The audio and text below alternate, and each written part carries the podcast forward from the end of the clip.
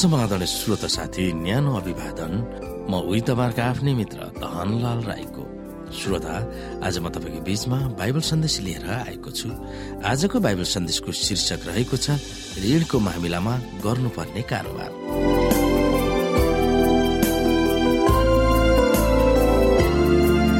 श्रोता यस ऋणको मामिलामा गर्नुपर्ने कारोबार भन्ने बाइबल सन्देशमा हामीले विशेष गरी अध्ययन गर्नुपर्ने बाइबल पदहरू रहेको छ। व्यवस्था अठाइस अध्यायको एक र दुई मती छ अध्यायको चौबिस एक हुन्न दुई अध्यायको पन्ध्र पद हितोपदेश बाइस अध्याय हितोपदेश छ अध्यायको एकदेखि पाँच र व्यवस्था पन्ध्र अध्यायको एकदेखि पाँच। श्रोता साथी यसमा हामीले विशेष गरी सम्झाउनु पर्ने पद अथवा मेमोरी गर्नुपर्ने बाइबल भर्स रहेको छ हितोपदेश बाइस अध्यायको साथ यहाँ लेखिएको छ यस अध्यायको मूल सार पद धनीले गरिबमाथि प्रभुत्व जमाउँछ र ऋण लिने चाहिँ ऋण दिनेको नोकर हुन्छ। श्रोता साथी ऋण भन्ने शब्दका अर्थहरू धेरै होलान् तर एउटा अर्थ चाहिँ यो हो भविष्यमा के कमाउने छ त्यसको आधारमा अहिले आफूसँग नभएको पैसा ऋण लिएर बाँचिरहनु। आजको सभ्यतामा ऋण भनेको जीवनशैलीको एक भाग नै भइरहेको छ। तर यसु भावना भावित भएका मानिसहरूमा यो ऋण लिने चलन हुनुहुन्न। ऋण लिने कुरामा बाइबलले उत्साह गर्दैन। बाइबलमा कमसे कम छब्बिसवटा पदहरू छन् जसले ऋणको बारेमा सम्बोधन गर्छन् र ती सबै पदहरू नकारात्मक छन्।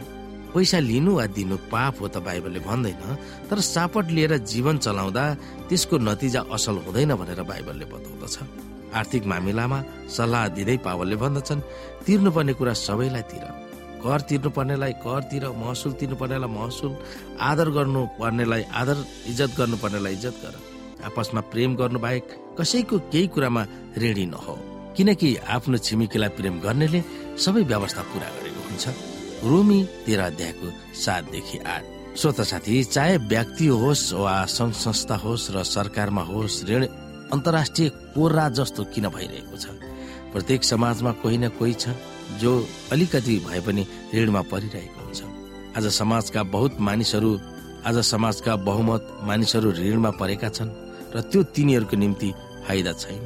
ऋण लिनुपर्ने कारणहरू के छन् त्यसलाई कसरी सम्हाल्ने भनेर हामी यस अध्यायहरूमा हेर्नेछौँ तपाईँ ऋण मुक्त हुनु भएको होला तर पनि यी कुराहरू हामीले अन्यहरूको लागि यो महत्वपूर्ण जानकारीहरू परिवार र साथीभाइहरूलाई हामी बाँड्न सक्नु पर्दछ।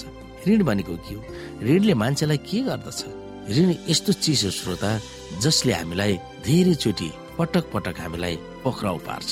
यसले हामीलाई दिमागी हालत पनि खराब गराइदिन्छ। जबसम्म हामी ऋणको भर पर्छौ ऋण लिन्छौ यसले हामीलाई सुख चैन आराम दिन सक्दैन। हामी पीडित बन्न सक्छौ। ऋणले गर्दा हाम्रो आदि मानसिकता नै यसले बदलिदिन्छ। चाहे ऋण दिनुहोस् चाहे ऋण लिनुहोस् यो राम्रो कुरा छैन। त्यसैले श्रोता हामीले ऋण कसरी नलिन सक्छौ भनेर हामी विचार गर्न सक्छौ। हाम्रो परिश्रम हाम्रो दैनिकी जीवनमा गरिने कार्यहरूमा हामीले आफ्नो काम पूर्ण रूपमा गर्नुपर्छ। परमेश्वरको अनुग्रहमा बाँच्न परमेश्वरको आशिषमा बाँच्नका निम्ति हामीले पुरा प्रार्थना साथ मेहनत गर्नुपर्दछ ताकि हामीले ऋण लिन नपरोस्। परमेश्वरको अगुवाईमा आफ्नो जीवनलाई छोडिदिनु पर्दछ ताकि हामी ऋणबाट बच्न सकौँ। यी कुराहरू हामीले विचार गर्नुपर्दछ।